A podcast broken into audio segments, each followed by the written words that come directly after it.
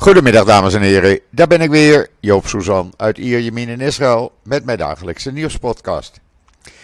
Eh, voordat we zo dadelijk met de, het nieuws gaan eh, beginnen, eh, gaan we eerst wat anders doen.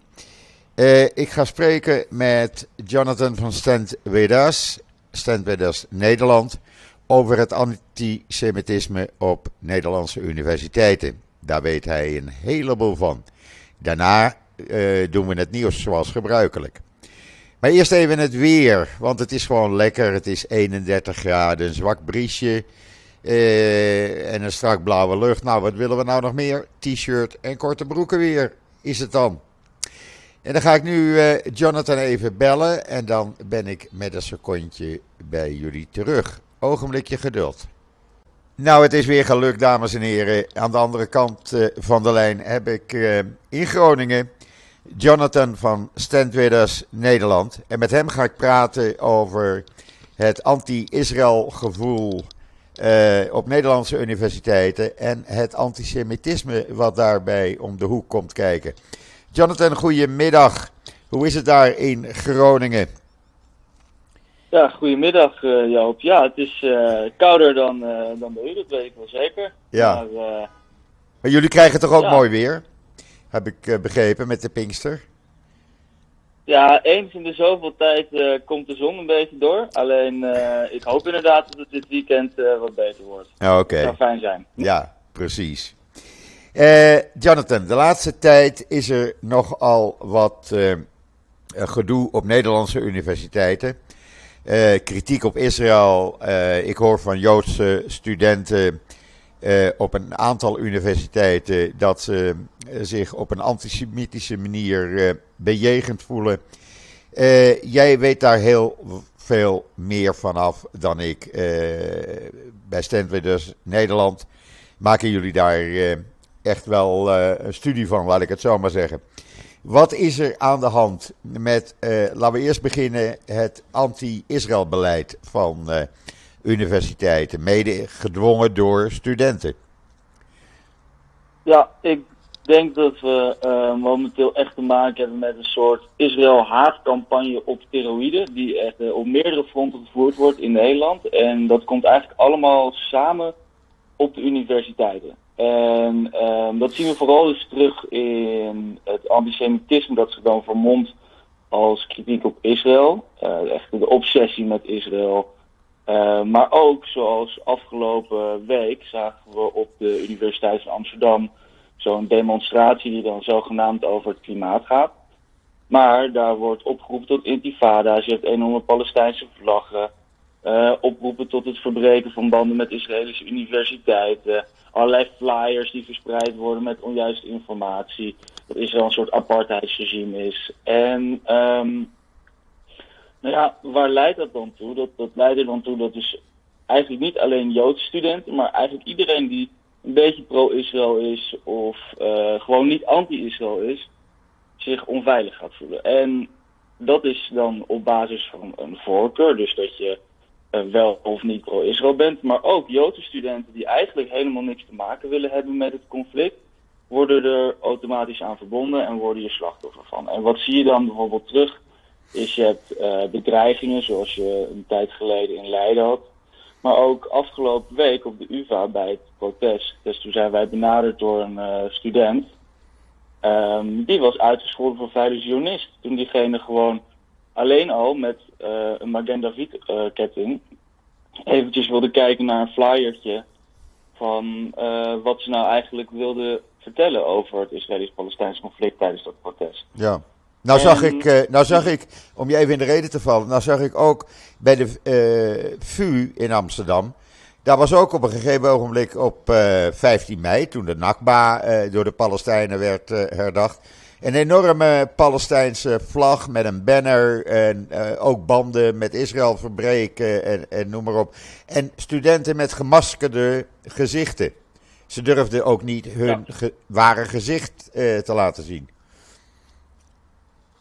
Ja, dat, dat mag dus eigenlijk al helemaal niet. Hè. Dan, uh, dan komt, komen we dus al heel gauw in de discussie over hoe gaat een universiteit om met dit soort gedrag van studenten.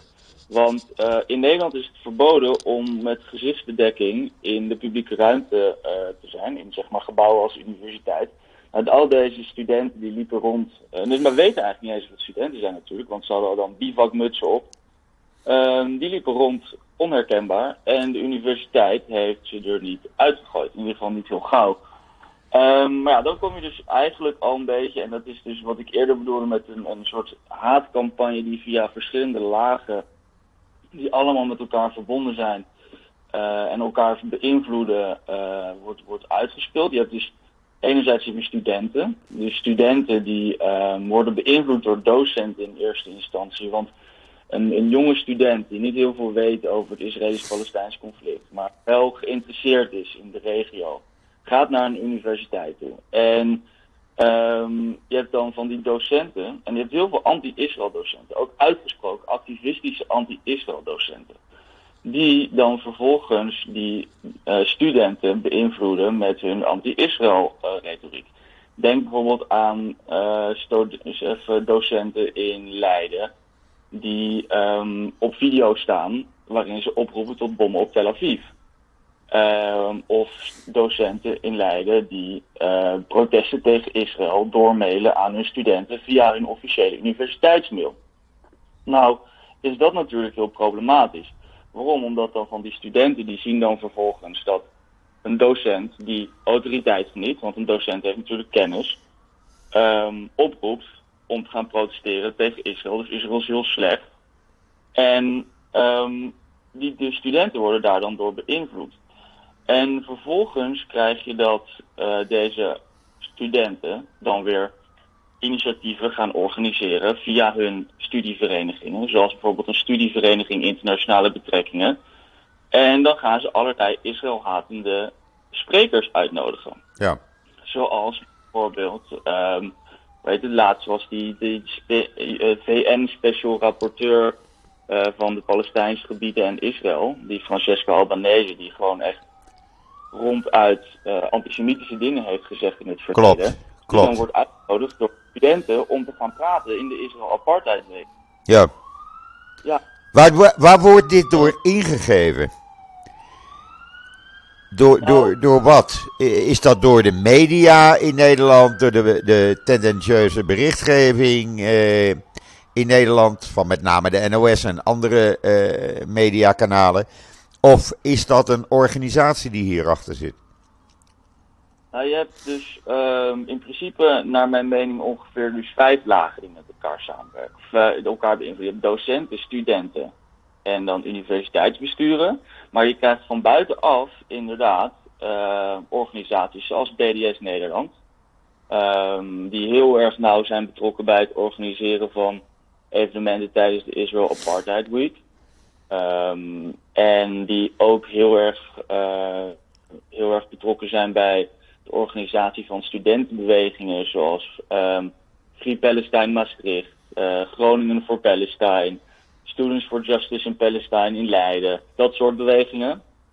Uh, ik neem aan dat zij veel geld en tijd en moeite steken in het helpen van het organiseren van dit soort uh, evenementen, zoals dus Israel Apartheid Week, dat uh, plaatsvindt op alle universiteiten. Um, maar tegelijkertijd heb je ook organisaties, natuurlijk Nederlandse organisaties, zoals de Rights Forum, die um, dan dat, dat WO-verzoek hebben ingediend over de banden tussen universiteiten en zowel Israëlische organisaties, maar ook um, organisaties als Centraal Joods Overleg, uh, Federatief Joods Nederland en organisaties die bezig zijn met het bestrijden van antisemitisme. Um, en die trouwens ook de Rights Forum, dat deze organisatie heeft ook gewoon docenten die op universiteiten lesgeven, die aangesloten zijn bij de Forum. En in Groningen bijvoorbeeld heb je uh, uh, Marcel Brus, dat is een, um, een, een assistent-professor in het uh, internationale recht, als ik het me goed kan herinneren. En hij heeft uh, bijvoorbeeld zijn masterstudent geeft hij de opdracht om samen met de Rights Forum, waar hij dan weer onderdeel van uitmaakt, een internationaal rechtsvraagstuk op te lossen. Ja, ja. Op die manier zie je dat er interplay is tussen organisaties van buitenaf en docenten en studenten. En dan heb je natuurlijk ook nog de media. Uh, waar u vorige week een uh, aflevering over had met, uh, met de hoofdleraar van CIDI. Um, kijk, wat de media natuurlijk doet, is met, met onjuiste berichtgeving over Israël um, een bepaalde tendens creëren. Ja. Waar heel veel mensen die niet heel erg geïnteresseerd zijn in Israël, maar wel gewoon het nieuws kijken, toch een bepaald idee krijgen alvast over het conflict. Vervolgens, en dat zijn dus ook studenten, die studentjes, die gaan dan op hun 18e, 19e, 20e naar de universiteit, waar dan een docent staat die zegt dat Israël slecht is. En je hebt natuurlijk gewoon uh, die organisaties van buitenaf, die dan weer studieverenigingen allerlei uh, evenementen laten organiseren. En dan krijg je een soort wisselwerking van, van het voeden van een bodem van negatieve gedachten over Israël. Ja. Of gewoon rond doorgeslagen Israël haat. En dan krijg je alsnog, dan is dan een beetje de laatste laag, dat is dan laag 5, dat zijn dan de universiteitsbesturen, die eigenlijk um, niet echt heel, erg ingrijpen tegen wat er gebeurt. En dan moet ik wel zeggen dat het enige hoop biedt dat ze het WO-verzoek tot nu toe niet volledig hebben beantwoord. En afgelopen maandag zou er op de VU een um, evenement zijn met als ondertitel uh, Doe met ons mee om authentieke groenmoes te maken en te praten over de toe-eigening van de Palestijnse cultuur. Dat was dan georganiseerd door zo'n dus weer zo'n studentenbeweging van pro-Palestijnse studenten die dan een evenement organiseren om puur en alleen maar Israël haat te verspreiden. Dat is dan wel afgezegd door de VU omdat het politiek zou zijn. Maar wat doen de universiteitsbesturen niet, is dat wanneer dus een docent overduidelijk over de scheef gaat. En daarbij wil ik wel zeggen dat het niet per se een probleem is als docenten en studenten zich bezighouden met activisme in hun vrije tijd. Maar zodra ze de scheiding tussen de academie en activisme alsmaar laten vervagen, zoals we dus nu zien met dat doorcijpelen van het anti-Israël activisme, dat is docenten maar steeds blijven verspreiden. Um, en dat dan gaat inluiden, in, indruisen een beetje tegen dus de academische vrijheid en het leidt tot uitsluiting, dan wordt het een probleem. En als dus blijkt dat een docent, zoals in Leiden, zo heb je die um, Sai Engler, die heeft dus geroepen op, de, op YouTube, er staat gewoon een video. Hij roept dat bommen op Tel Aviv gegooid moeten worden. En dat zo'n docent dan vervolgens alsnog voor de klas kan staan. Um, ja, dat klopt en, niet. uh, dat klopt natuurlijk niet. De, absoluut niet. En Nee. zo'n docent, die staat dan, dus dan normaliseer je als universiteit, of je maakt een beetje salonveeg, dat dat soort, en dan tussen haakjes, piek, wat natuurlijk gewoon Israël haat, dat dat gewoon gezegd mag worden, Ja. als docent. Ja, Die vervolgens voor de klas om te doseren over Israël. Ehm, en tegelijkertijd ook nog eens openlijk is verbonden aan ehm, bewegingen als docenten, eh, academici eh, voor de rechtvaardigheid in Palestina. Waarmee hij dan een petitie kan beginnen waarmee hij oproept tot het boycotten van Israël. En als iemand zo openlijk geobsedeerd is met een activistische strijd. ehm, en ook continu eh, bijvoorbeeld evenementen aanvraagt aan de universiteit. waarin Israël, eh, Israël haat verspreid kan worden. Als zo iemand daar niet voor wordt gestraft. In, het, in de zin van dat je dat gewoon toelaat. Of een docent die dus de eigen universiteitsmail gebruikt om studenten te vragen om gewoon te gaan demonstreren tegen Israël. Als zo'n docent vervolgens dat maar mag doen en op de universiteit mag blijven rondlopen, ja, dan krijg je een probleem. En dan voed je dus je soort van, je maakt dit maar, zegt eigenlijk als universiteit, ja, het is prima dat iemand zich zo opstelt, dat is geen probleem. En ja, studenten, studenten luisteren gewoon naar docenten, want docenten hebben autoriteit. ja, En zo voedt dit, dit, dat hele probleem krijgt gewoon steeds meer, eh, steeds meer voeten aan de grond op de universiteit. Ik denk echt dat we momenteel in een fase zitten waar je kan zeggen dat ehm, er gewoon generaties van toekomstige bestuurders worden opgeleid met een, een of echt een hekel aan Israël, omdat ze bijvoorbeeld een studie hebben gedaan waarin die voedingsbodem echt eh, helemaal wordt uitge, uitgepluist en dat iedereen eh, dat de hele tijd over gaat. Of je bent gewoon een student die rondloopt op een faculteit en je ziet dan, dan weer een Palestijnse vlag hier. Dan krijg je weer een flyer in je handen gedrukt dat Israël een apartheidsregime is. Dan ehm, is er een protest. Bijvoorbeeld zoals vorige week, en dat gaat dan over het klimaat. Maar je hebt ook Black Lives Matter en je hebt ook ehm, andere soort van strijd tegen onderdrukking. En de Palestijnen staan er weer tussen. Ja, als je er niet heel erg veel mee bezighoudt, dan toch krijg je die negatieve gedachten over Israël. Ook al wil je dat niet. En al die mensen, die komen straks in belangrijke posities. Ja, het breidt zich ook uit. Probleem. Ja. Is het ook op, is het echt, kan je zeggen, op alle universiteiten? Um, ik denk dat we. Kijk, het ligt natuurlijk ook aan de universiteit en de studierichtingen die een universiteit aanbiedt. Dus ik denk dat je, als je bijvoorbeeld in Rotterdam kijkt, waar veel economische studies zijn, of in Delft met veel technische studies, daar zal het echt wel veel minder tot misschien wel niet aanwezig zijn. Maar zodra je gaat kijken naar universiteiten die faculteiten hebben die bijvoorbeeld de social sciences, de humanities, dus de geesteswetenschappen of uh, international relations, um, politicologie, dat soort studies aanbieden. Al gouden studies die geïnteresseerd zijn in mensen en internationale politiek en mensenrechten. Ja. Dan krijg je eigenlijk al dat op bijna iedere universiteit er wel problemen zijn. En je had dus in Groningen had je afgelopen, uh, afgelopen maart met de International Israël Apartheid Week je maar liefst vier evenementen. Uh, een soort van de koploper van Nederland. Um, waar je een evenement had op de universiteit. Um, dus toegestaan dat er gewoon een workshop van BDS, geleid door BDS Nederland. Hoe gaan wij een studentenbeweging vormen? Ja, ja dus het is gewoon ruimte. Het is niet te geloven. Het is echt vreselijk. En daar moet ik wel zeggen, we zijn in gesprek. Als Stentbutters gaan we dus in gesprek met universiteiten. Van hey, um, wij krijgen klachten binnen van studenten. Wat hier gebeurt past niet echt naar onze mening binnen wat er. Kijk, een universiteit is ervoor gemaakt voor de academische vrijheid, voor discussie. Um, het is niet de bedoeling dat je in een soort, soort, soort safe space terechtkomt waarin je nooit wordt geconfronteerd met meningen waar je het niet mee eens bent. Maar er zitten wel grenzen aan um, wat voor evenementen er plaats kunnen vinden op een ja. universiteit. En het, het, het, creëren van een studentenbeweging uh, door BDS, dat is niet academisch in onze optiek. Um, en het enige waar BDS op gestoeld is, is het vernietigen van Israël, het ontmantelen van de Joodse staat en het uitsluiten van Israëlische of pro-Israëlische stemmen van de universiteit. En naast dat een universiteit voor academische vrijheid is, is een universiteit ook inclusief. In de zin van het is toegankelijk voor iedereen, ongeacht afkomst, politieke overtuiging, om naar de universiteit te gaan, om daar welkom te zijn, om te studeren en om met elkaar in discussie te gaan. En BDS wil alles behalve dat.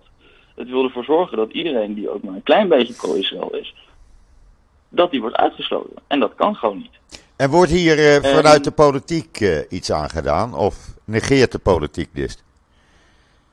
Nou, wij als Standbutters um, zijn niet bezig met de politiek. We zijn geen uh, lobbyorganisatie in dat opzicht. Nee. Wat ik wel um, weet is dat andere organisaties in Nederland zich wel bezighouden met de politiek in dat opzicht. Um, maar ik denk dat vanuit de politiek, wat er niet gebeurt, is dat er gewoon keiharde regels gesteld worden. In de zin van, wat is nou antisemitisme? Want dan komen we toch weer terug op dat probleem. Ja. Dat er nog steeds door heel veel mensen gezegd kan worden, nee, dit is kritiek op Israël en dit is niet, um, dit is geen antisemitisme.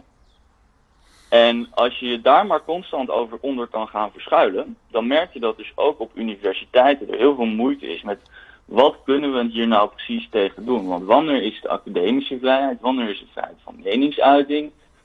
Um, of is het nu antisemitisme? Dat weten ze ook niet. En heel veel mensen die zich ook niet zoals, wij echt bezighouden met dit conflict en met um, de gevolgen daarvan en het, het antisemitisme, dat dus verschuilt onder kritiek onder Israël. Heel veel mensen begrijpen dat gewoon niet. En die zien niet in dat wanneer je een protest hebt op de UvA, gewoon op de universiteit waarin wordt opgeroepen tot intifada's en het oproepen tot het ontmantelen van Israël. Dus, dus het eigenlijk het, het ontkennen van het zelfbeschikkingsrecht van Joden in hun, in hun staat en het, het willen opheffen van de Joodse staat, dat, dat, dat is gewoon keihard antisemitisme. Ja. En dat erkennen heel veel mensen niet. En dan kom je dus bij een heel problematische situatie waarin we eigenlijk nu zitten. En wat ook heel erg gebeurt door die anti-Israël demonstraties en de sprekers. Een van hun belangrijkste argumenten of standpunten is: er is geen ruimte voor twee perspectieven. En dat is heel problematisch, want wat zij dus eigenlijk zeggen is, en dat benadrukken ze echt altijd, is dat je als student of als iemand die zich bezighoudt met een strijd voor gerechtigheid in de wereld niet moet luisteren naar mensen die niet anti-Israël zijn. Um, en daardoor creëer je dus een, een, omgeving waarin dus het hele perspectief van jou of van mij of van iedereen die, die ook maar een beetje positief ten opzichte van Israël staat, niet gehoord mag worden. Want waarom zou je, en dat, dat is dus ook wat ze altijd doen, een soort van hele valse, onjuiste vergelijkingen maken. Hè? Zeggen van Israël is een apartheidstaat. Je gaat toch niet luisteren naar iemand die apartheid verdedigt? Dat is toch heel slecht? Of als je een discussie hebt over racisme. En deze heb, heb ik echt een keer gehoord. We zijn eens een keer een artikel. Um, als je een discussie over racisme hebt, dan nodig je toch ook niet iemand van de KKK uit. Dus waarom zou je dan, uh, als je een discussie over Israël en Palestina hebt, iemand van uit de Israëlische kant uitnodigen? Dat kan toch niet, jongens? Ja, ja. op die manier zorgen ze dus. Ja. Het is een soort emotionele chantage ja. van. Moet tegen, als je niet hier tegen bent, dan ben je slecht. En um, daar moet niet naar geluisterd worden. En daardoor zorgen ze er ook voor dat al die studenten eigenlijk alleen maar de, de anti-Israël kant horen. En het wordt altijd alsmaar goed. En is dit een uh, proces uh, wat nog te stoppen valt? Of ik krijg het gevoel dat dat niet meer uh, kan, dat het al te ver doorgeschoten is. Um, nou ja, kijk, ik, ik doe mijn werk natuurlijk ook omdat ik er echt in geloof. Ja. Dat er een oplossing en dat er verbetering mogelijk is. Ik erken de ernst van de situatie, want um, het is, we zijn echt op een heel ver punt beland dat er heel veel gedaan moet worden om, uh, om de situatie te verbeteren. Maar ja, er kan, het kan wel degelijk gestopt worden, denk ik. Ik denk dat ten eerste moeten we via educatie, en dat is wat, wat Stanford dus ook echt doet, dus, dus educatie over Israël, over antisemitisme, dus bijvoorbeeld uitleggen waarom Israël kritiek soms antisemitisme kan zijn. Um, en uitleggen hoe complex de situatie is. Dat, ik denk dat je daar al heel ver mee komt. Maar dat is vooral onder uh, zowel bestuurders als, als studenten als de media. Die zouden veel meer, uh, veel meer onderwezen moeten worden over hoe complex het nou is en waar het nou over gaat. Maar ik denk dat het ook heel belangrijk is om deze, deze ontwikkeling te stoppen moeten de universiteiten toch een bepaalde verantwoordelijkheid gaan nemen. Ja, dat vind ik ook. Uh, die moeten harder optreden tegen, hiertegen. En dat doen ze niet. Absoluut. En dat doen ze niet. Absoluut. Dat is echt een probleem. Want wat we dus zien is dus die, die docenten die gewoon de allerbizarste dingen kunnen doen, die blijven zitten op hun plek. Ja. Daarnaast, um, afgelopen week hadden we dus, in, um, hadden we dus die, die, die demonstraties door heel Nederland op universiteiten in Utrecht, in Maastricht, in Amsterdam, um, op uh, de faculteit uh, van de Universiteit Leiden in Den Haag. Had je allerlei demonstraties. En um, in die demonstraties hebben de uh, Free Palestine bewegingen, als ik ze dan zo noem, de studentenbeweging, hebben hun hele agenda gewoon blootgelegd. En ze hadden een aantal eisen. De eisen van de Free Palestine beweging vorige week waren er um, vier. De eerste is, is erkennen als een racistische, koloniale ideologie, uh, de legitimiteit van het Palestijnse verzet erkennen en de dekolonisatie van het hele Palestijnse grondgebied van de rivier tot de zee. Dat was de eerste eis. De tweede eis was het steunen publiekelijk van de BDS-beweging en onmiddellijk alle banden met Israëlische instellingen verbreken. De derde eis was volledig voldoen aan het WO-verzoek, ehm, waarin ze dus vroegen aan naar de informatie over ehm, connecties tussen universiteiten en Israëlische organisaties, eh, organisaties antisemitisme bestrijden en Joodse organisaties. En de vierde eis was het stoppen met de censuur eh, van studenten en geleerden die zich bezighouden voor Palestina. Nou, wat is dus het probleem? Je ziet hier vier best wel radicale, nou best wel eigenlijk gewoon enorm radicale eisen. Ze maken er geen uh, geheim meer van, wat wij natuurlijk al langer wisten, dat het gaat over de, om, om, de vernietiging van Israël. En in die eerste eis staat het hele Palestijnse grondgebied, van de rivier tot de zee. Ja. Uh, ze maken er geen ge, geheim meer van dat ze de BDS-beweging steunen. Dat ze alle banden met Israël willen verbreken, wat trouwens contraproductief is. Want Israëlische universiteiten, Israëlische academici, zijn over het algemeen heel kritisch op Israël. Dus ja. Waarom zou je de hele debat erover met die mensen willen verbreken? Maar goed, wat hier dus aan de hand is, is dat je deze studentenbeweging heel erg duidelijk laten zien hoe radicaal ze zijn. Dus de verantwoordelijkheid van de universiteit is naar onze mening dat ze nu ze weten dat deze uh, organisaties eigenlijk antisemitisch zijn in de zin dat ze Israël willen opheffen, dat ze ook gewoon hun verantwoordelijkheid moeten nemen als universiteit. En deze organisaties niet langer een platform moeten bieden op hun universiteit. Want als je een universiteit bent die staat voor de waarde van academische vrijheid en inclusiviteit, dat iedereen, ongeacht welke afkomst dan ook, zich veilig moet voelen om op een universiteit rond te lopen, dan kan je dit toch niet toestaan? Nee. Nou ja, het enige, wat wij, het enige wat we dan moeten blijven doen, is hier tegen blijven vechten. Dat is het enige. Uh, met ons allen. Iedereen die Israël een uh, warm hart uh, toedraagt, ja, die moet jullie steunen eigenlijk. Dat doen we ook. In jullie strijd. Dat, dat is echt ja. belangrijk. Ja, ja. Want wij zijn niet alleen, hebben wij contact met universiteiten, maar wij zijn ook, staan ook intensief in contact met studenten. We hebben bijvoorbeeld een fellowship programma waarin wij studenten een jaar lang intensief begeleiden met het organiseren van, uh, van activiteiten die educatie geven over Israël op hun universiteiten. Zo hadden we bijvoorbeeld Jozef Gadat hadden we laatst uh, oh, ja. in, in de... Ja. En we hebben NGO hier in Groningen gehad om dus een ander beeld van Israël te laten zien. En deze jongeren die, die moeten meerdere activiteiten organiseren. Die creëren hun eigen kleine pro-Israëlische gemeenschapjes op hun universiteiten. Waarin mensen zich gewoon veilig kunnen voelen om te praten over Israël. Um, en wij bereiken daar echt heel veel studenten mee. We krijgen daar heel veel positieve feedback over. En dat is wat wij via educatie en begeleiding van studenten echt proberen te doen om dit situatie te creëren voor iedereen die Israël een warm hart toedraagt op de Nederlandse universiteit. Ja. Nou, wij, uh, wij blijven gewoon met ons allen hier tegen vechten. Ik bedoel, dat is het enigste of het minste wat we kunnen doen. En er veel aandacht aan blijven besteden. Ja, dat, uh, dat is ook het belangrijkste. Ja. En dat, uh, dat ook. Wij zijn heel actief op sociale media. Ja. wij proberen artikelen te schrijven. We hebben ook een statement uitgebracht over bijvoorbeeld die, die demonstraties vorige week op Ja. de Nederlandse Universiteit. Wij hebben artikelen geschreven over het Rights Forum en dat soort uh, Ja. zaken. Wat allemaal dus samen, zoals ik net uitlegde, dat dus allemaal samenhangt met het creëren van dat anti-Israël klimaat. Waardoor een Joodse student, dus iemand die gewoon een beetje pro-Israël is, zich gewoon niet meer veilig voelt.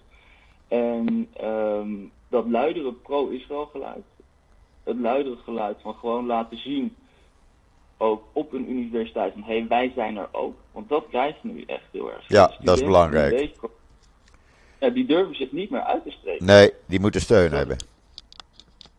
Ja, en die moeten steun hebben. Ja. Daar zorgen wij voor. Wij merken, jullie zijn niet alleen.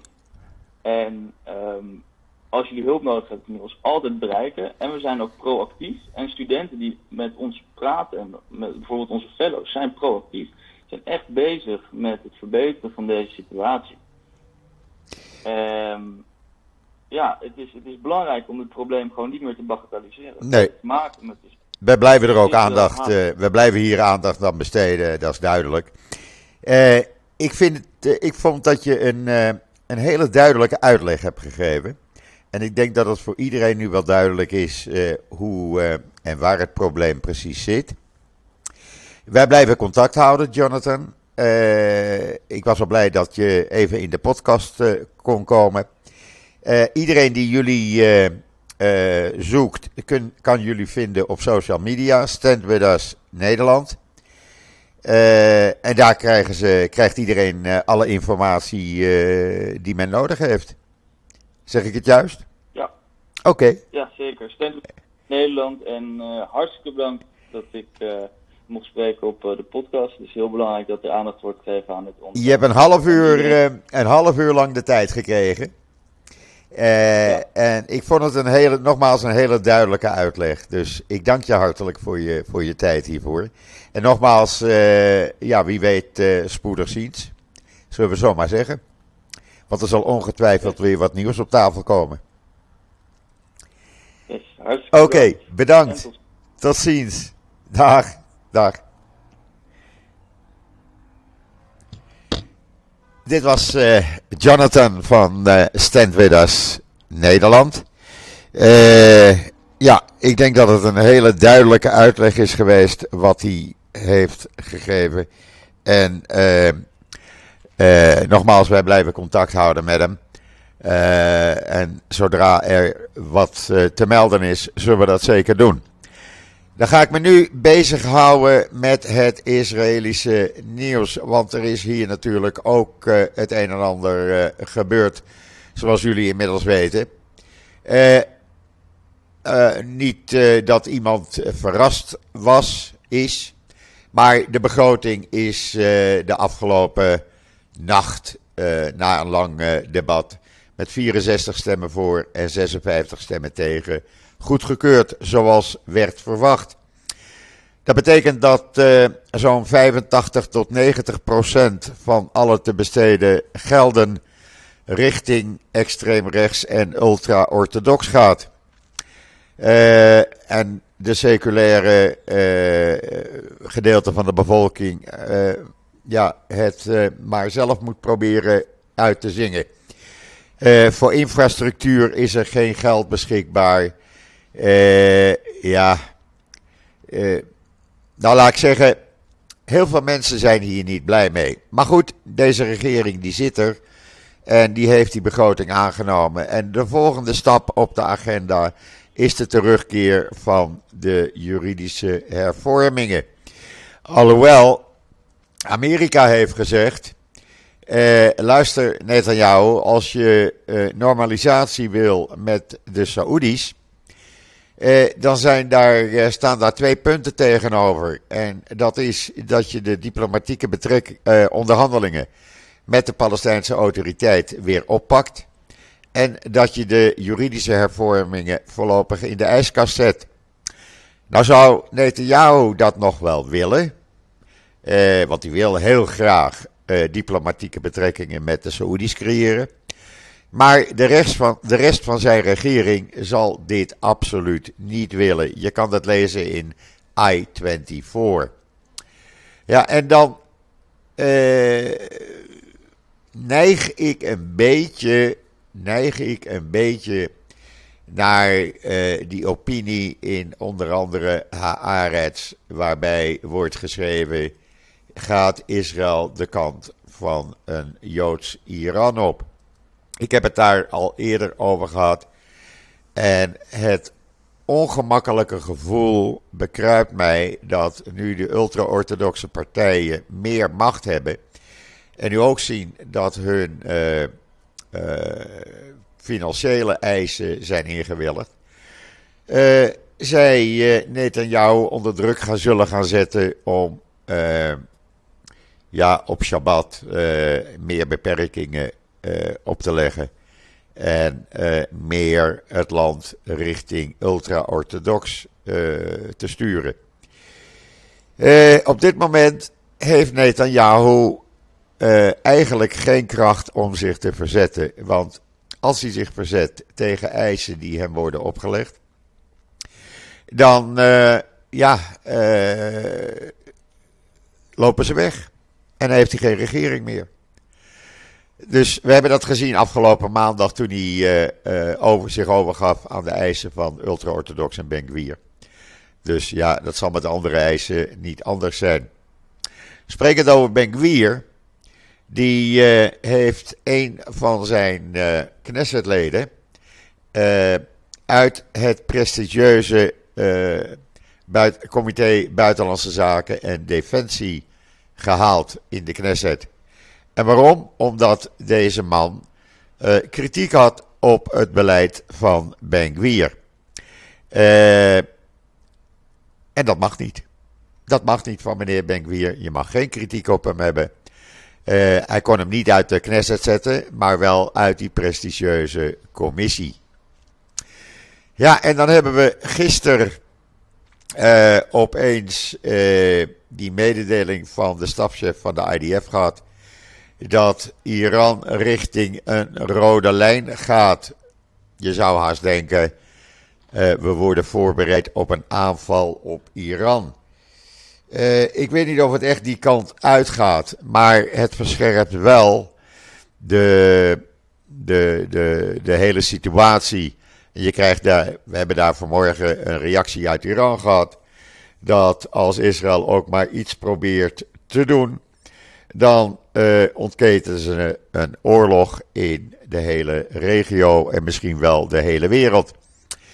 Ja, uh, het is natuurlijk uh, de spanning ten top drijven.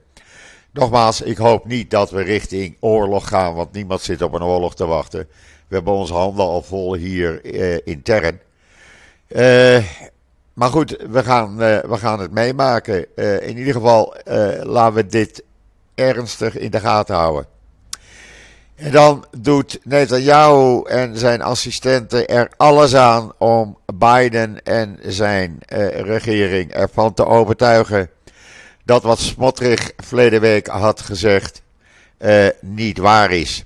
Smotrich had verleden week gezegd dat de Israëlische regering uh, voorbereidingen treft om het aantal settlers, kolonisten, te verdubbelen van 500.000 naar pak een beet een miljoen.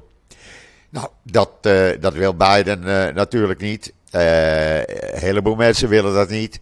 En Netanyahu doet er nu alles aan om te overtuigen dat is niet zo. Maar uit de begroting blijkt iets anders. Daar zijn honderden miljoenen voor gereserveerd om het aantal kolonisten uit te breiden. Dus ja, hoe die dat uh, uh, ja, wil uitleggen aan Biden, ik weet het niet. Want Biden leest ook die begroting. Zoals wij die allemaal lezen. En dan uh, zei de chef van de islamitische jihad. Die kwam met een verklaring waarom die zes of zeven commandanten verleden week, uh, of twee weken geleden, in die uh, korte Gaza-oorlog werden gedood. Dat kwam, zei hij, omdat ze hun mobiele telefoon bij zich droegen. En uh, daardoor waren ze te, te, traceren door Israël. Nou, geloof er maar in. de feiten liggen iets anders. Tuurlijk zal dat er ook mee te maken hebben, maar Israël heeft uitstekende informanten in Gaza zitten. Dus daar hoeven we ons niet zo druk over te maken. En dan, gisteravond, Betar Jeruzalem won de uh, staatsvoetbalcup. Uh, in Haifa, in het Sami Offer stadion, door te winnen van Maccabi Netanya. En het uh, voetbalspel was nog niet koud afgelopen. Je kan het zien op een video in uh, onder andere Times of Israel. Of duizenden zogenaamde supporters stroomden het veld op. Maakten er een bende van. Uh, president Herzog, die de beker zou uit, uitreiken, moest geëvacueerd worden onder zware bewaking. Het was één grote bende. Zoals jullie in Nederland ook regelmatig nu zien. Dus dat doen ze dan hier ook. Want ze zien het in, uh, hier op de televisie hoe het in Nederland gaat. Nou, dan kan het toch hier ook. In ieder geval, het zal inhouden dat mogelijk de uh, achtste staatsbeker die Beitar Jerusalem ooit veroverde, weer zal worden afgenomen door deze rellen. Ik weet niet of het gaat gebeuren, want er komen er nog grotere rellen natuurlijk. Maar de kans uh, is uh, zeer groot dat dit gaat gebeuren. Dus uh, ik ben benieuwd. Dit gezegd hebbende brengt mij dat tot het einde van deze wat langere podcast van vandaag 24 mei. ik wens iedereen nog een hele fijne voortzetting van deze woensdag. Ik ben er morgen weer en zeg zoals altijd: Oh ja, en morgen ben ik er met Esther. Met Esther Food zit ik weer aan de keukentafel. Ik zal hem nu even schoonmaken, want ik heb hem net ook gebruikt met uh, Jonathan. Uh, morgen zit ik met Esther aan de keukentafel en dan gaan we het weer over van alles en nog wat hebben. En jullie mogen daar natuurlijk aan bijzitten aan die keukentafel. Goed, uh, nogmaals, ik ben er morgen weer samen met Esther en zeg zoals altijd: tot ziens, tot morgen.